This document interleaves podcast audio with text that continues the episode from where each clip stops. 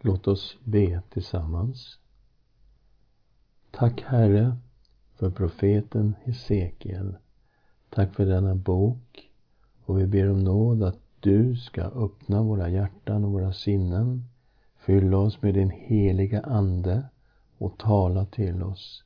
I Jesu Kristi namn. Amen. Ja, vi är inne i ett större avsnitt som vi har kallat för att Guds härlighet skulle lämna templet.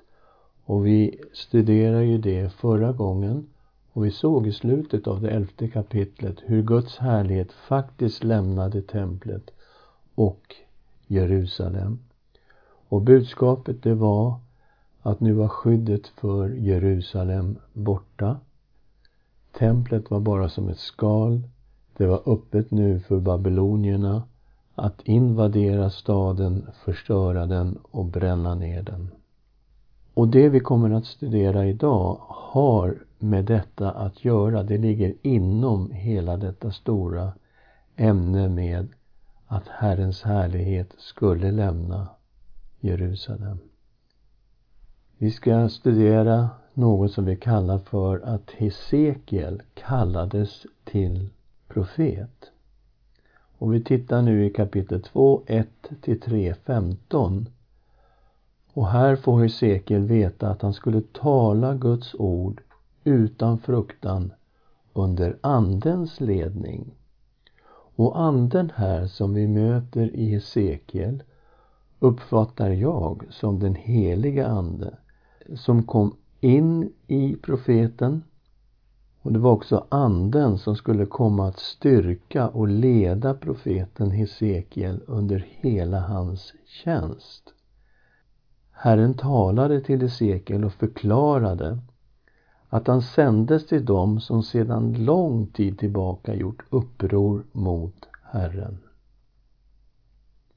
Hesekiel fick se en bokrulle och den var fullskriven på fram och baksidan. Det betyder att det fanns liksom inget mer att lägga till. Det här är ett komplett budskap. Detta var Guds ord.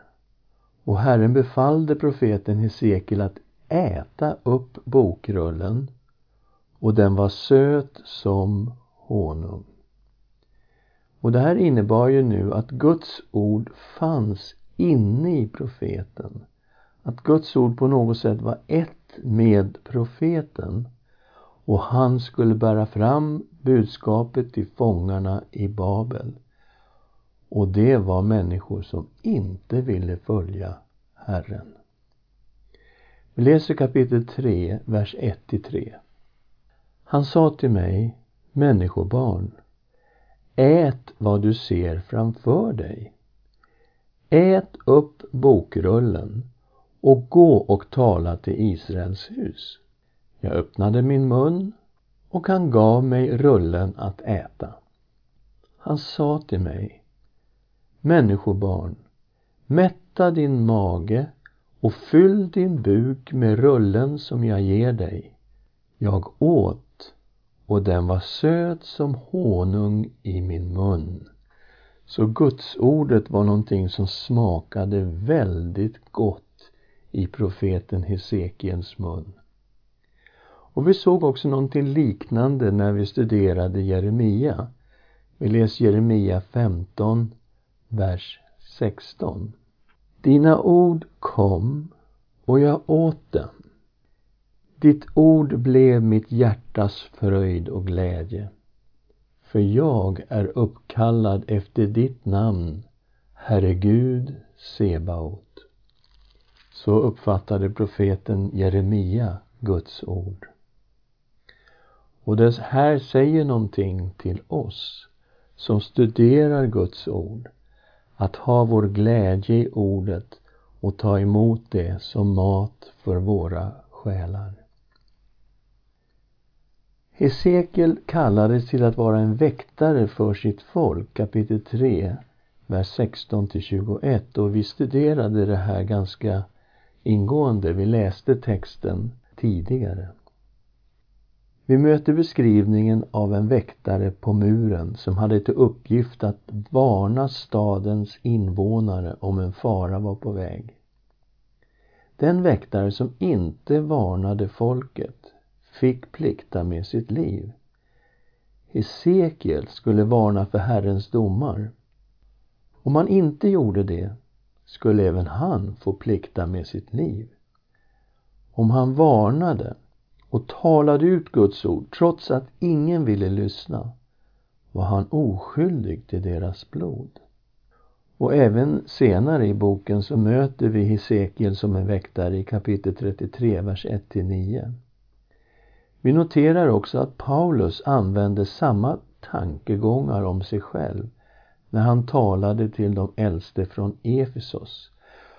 Och det är Apostlagärningarna 20, vers 25 27. Och där står det så här. Och nu vet jag att ni aldrig mer kommer att se mitt ansikte. Alla ni som jag har gått omkring hos och predikat riket för. Därför betygar jag idag för er att jag inte är skyldig till någons blod. För jag har inte tvekat att förkunna för er hela Guds vilja och plan. Så Paulus säger här att han betygar att han inte var skyldig till någons blod. En tankegång som är hämtad direkt ifrån Hesekiel och Hesekiels uppgift att vara en väktare.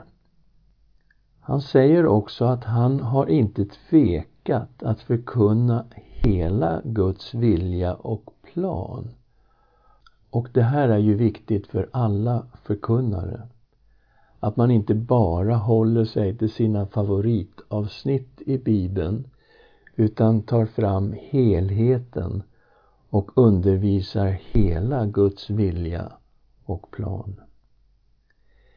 Det är också intressant att notera att Paulus sa att han har gått omkring och predikat riket för Efesierna. Och då får vi anta att detta med riket är någon sorts likhetstecken mellan att han har förkunnat riket och att han har förkunnat hela Guds vilja och plan. Och det öppnar en viktig tankegång. Därför att var har aposteln Paulus redovisat sin lära och sin undervisning av hela Guds vilja och plan? Ja, det har han ju gjort i breven. Här har vi ju Paulus samlade undervisning. Men det innebär också att den här samlade undervisningen som vi har i Paulus brev, det är direkt kopplat till en predikan om Guds rike. Det är en viktig koppling. Vi möter också en märklig sak här i det tredje kapitlet av Hesekiels bok och det var att Gud gjorde profeten Hesekiel stum. Han fick enbart tala Guds ord ända tills Jerusalem hade gått under. Vi ska titta på det här i kapitel 3, vers 26 och 27. Jag ska låta din tunga fastna vid din gom så att du blir stum och inte kan straffa dem för de är ett upproriskt släkte. Men när jag talar med dig ska jag öppna din mun och du ska säga till dem, så säger Herren Gud. Den som vill lyssna ska lyssna och den som inte vill får låta bli, för de är ett upproriskt folk. Okej, okay, det är mycket intressant. Profeten Hesekiel skulle alltså bara få tala Guds ord. Han fick inte eh, ha vanliga konversationer. Hans tunga fastnade i så fall vid hans gom och han blev stum. Hur länge då, tänker man? Ja, vi uppfattar att det rör sig om ungefär sju år. Vi ska titta i kapitel 24, vers 25 till 27. Men du människobarn ska veta att på den dag då jag tar ifrån dem deras värn, deras härliga fröjd, deras ögons lust och deras själs begär, deras söner och döttrar. Och det här handlar om när Jerusalem skulle ödeläggas. Den dagen ska en räddad flykting komma till dig och förkunna detta. Den dagen ska din mun öppnas och du ska tala till flyktingen och inte mer vara stum. Du ska vara ett tecken för dem och de ska inse att jag är Herren. Så det faktum att profeten Hesekiel var stum, det var tänkt att vara som en profetisk handling som faktiskt förstärkte allvaret i budskapet att Jerusalem skulle falla, Juda skulle föras in i fångenskap till Babel. Och sen läser vi kapitel 33, vers 21 och 22 när Jerusalem hade fallit. I det tolfte året sedan vi hade blivit bortförda i fångenskap på femte dagen i tionde månaden kom en flykting från Jerusalem till mig och berättade Staden har fallit. På kvällen före flyktingens ankomst hade Herrens hand kommit över mig. På morgonen öppnade han min mun innan mannen kom. Min mun öppnades och jag var inte längre stum. Det vill säga, jag kunde föra vanliga konversationer och var inte tvingad till att bara tala Guds ord. Och den här är då daterad till den 19 i första 585 och eh, tolfte året, ja, det var 597 och vi vet då att Jerusalem gick under 586 före Kristus. Så vi möter profetiska handlingar. Bara det här fenomenet med att Hesekiel var stum i sju år, det skulle vara ett profetiskt tecken. Ett fenomen som vi möter i Hesekiels bok, det är att profeten ofta kallas till att utföra profetiska handlingar. Och vad innebar det? Jo, det innebar att han likt en skådespelare skulle förmedla ett budskap utan ord. Profetens handlingar illustrerade och underströk allvaret i budskapet. Så man kan säga att budskapet förstärktes genom de profetiska handlingarna. Och vi möter en profetisk handling här. Hesekiel skulle illustrera Jerusalems förstöring. Kapitel 3, vers 22 till kapitel 4, 17. Herrens härlighet uppenbarade sig igen för Hesekiel Det är kapitel 3, vers 22 och 23. Herrens hand kom över mig där och han sa Stig upp, gå ut på slätten där ska jag tala med dig. Då steg jag upp, gick ut på slätten och se, där stod Herrens härlighet, lik den härlighet jag såg vid floden Kebar, och jag föll ner på mitt ansikte. Anden kom då in i mig och reste upp mig på mina fötter. Herren talade med mig och sa Gå och stäng in dig i ditt hus. Okej. Okay.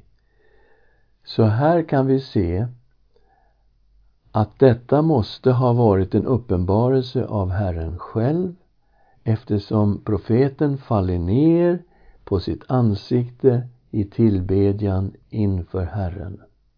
Och vi ser här att i Hesekiels bok så är Herrens härlighet detsamma som Herren själv. Herrens härlighet är direkt kopplad till Jahve. Och vad sa då Herrens härlighet till Hesekiel? Jo, Herren sa att han skulle låta binda sig. Och han skulle ta en lertavla. Och han skulle rita in Jerusalem på den här lertavlan. och han skulle också rita in belägringen av staden. Så han skulle illustrera Babels belägring av Jerusalem. Sen skulle han ligga på vänster sida i 390 dagar framför lertavlan, alltså en bra bit över ett år. Och därefter skulle han ligga på den högra sidan i 40 dagar. Profeten skulle då på något sätt bära folkets synd under hela tiden. Så han skulle inte få röra sig. Och det är klart, när Jerusalem var belägrat, då kunde ju ingen gå ut eller in ur staden. De var så att säga fångar inne i sin egen stad. Det skulle han åskådliggöra på det här sättet. Hans föda skulle vara en ytterst sparsam svältkost, precis som de drabbades av som var belägrade. Så allt det här skulle förstärka det profetiska budskapet om det akuta läget i Jerusalem.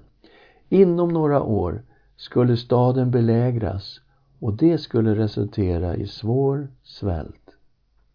Det hör ju också till saken att både Hesekiel och Jeremia, de var ju samtida de här två, de lyfte fram problemet med de falska profeterna. De här profeterna, de profeterade genomgående sånt som folk ville höra, sånt som var politiskt korrekt. De profeterade att fångenskapen skulle upphöra och att de mycket snart skulle få återvända till Jerusalem.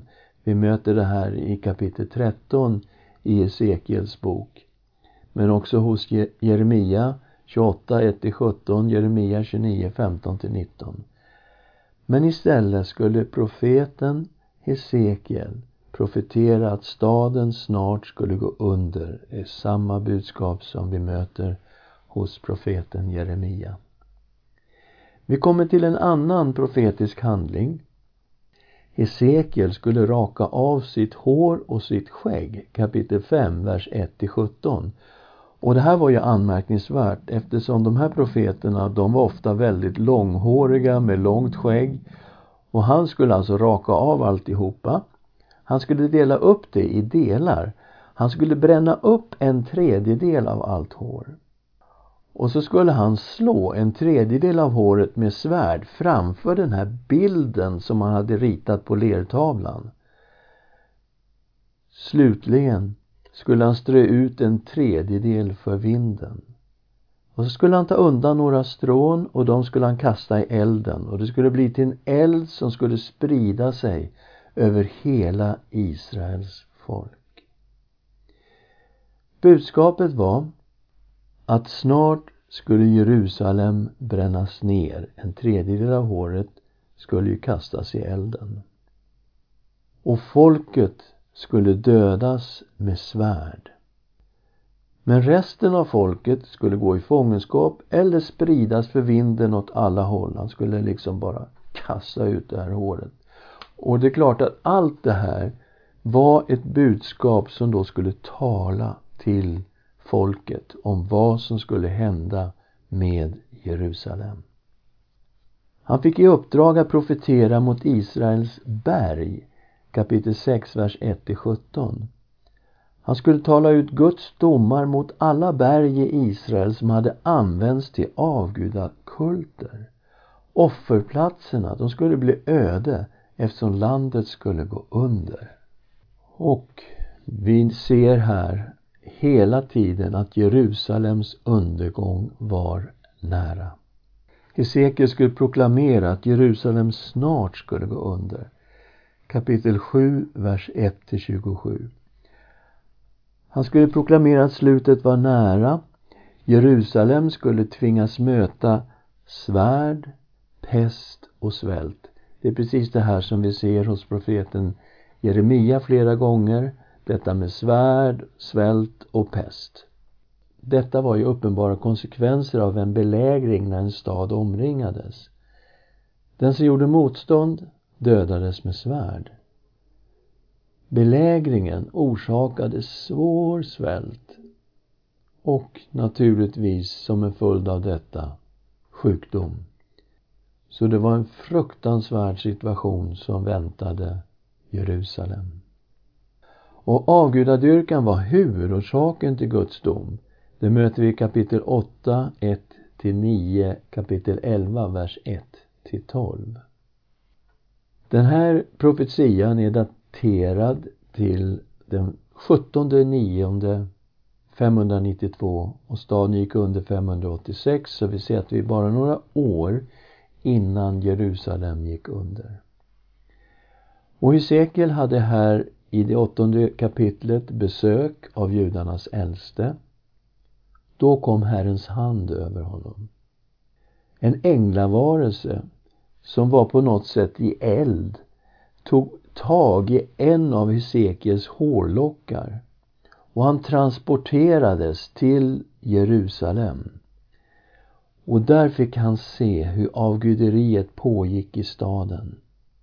De hade till och med satt upp avgudar i Herrens tempel. Och vi hör hur Gud ropade till en man i linnekläder med ett skrivdon i handen. Den här mannen skulle sätta ett kors i pannan på alla som var emot avguderiet. De korsmärkta skulle skonas. Men alla övriga som praktiserat avguderi skulle förgöras. Och vi hör hela tiden det första budet i dekalogen som man bröt hela tiden. Du ska inte ha andra gudar vid sidan av mig. Hesekiel skulle gå i landsflykt, kapitel 12, 1-28. Hesekiel skulle ännu en gång utföra en profetisk handling. Han skulle mitt på ljusa dagen agera som om han gick i landsflykt. Han skulle göra ett hål i väggen på sitt enkla hus, lyfta ut sin packning och så smyga iväg. När fångarna i Babel frågade Hesekiel vad han höll på med skulle han svara att han var ett tecken för kung Sidkia och alla i Jerusalem. De skulle alla tvingas dra bort i landsflykt och fångenskap till Babel. Vi läser kapitel 12, 11 till 13.